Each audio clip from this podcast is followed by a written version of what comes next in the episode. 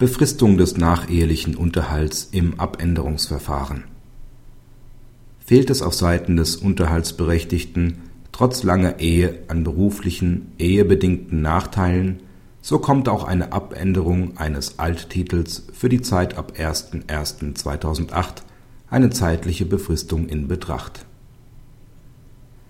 Die Parteien haben 1973 geheiratet. Die Ehe wurde 1994 geschieden der gemeinsame Sohn war damals bereits volljährig.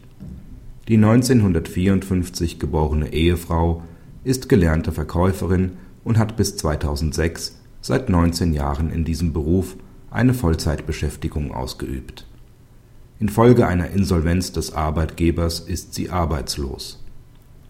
Die Parteien haben 1994 eine Unterhaltsvereinbarung geschlossen, wonach der Ehefrau bis Ende 2004 ein monatlicher Unterhaltsanspruch von 1.300 D-Mark zustand.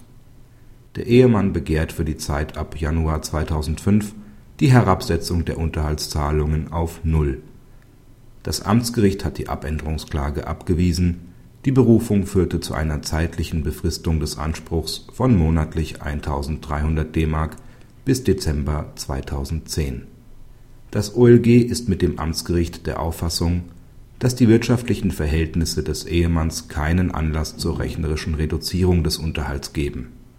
Nachdem die Ehefrau bereits seit 1987 in ihrem erlernten Beruf als Verkäuferin vollschichtig berufstätig war, ist ihr offensichtlich kein ehebedingter Nachteil entstanden.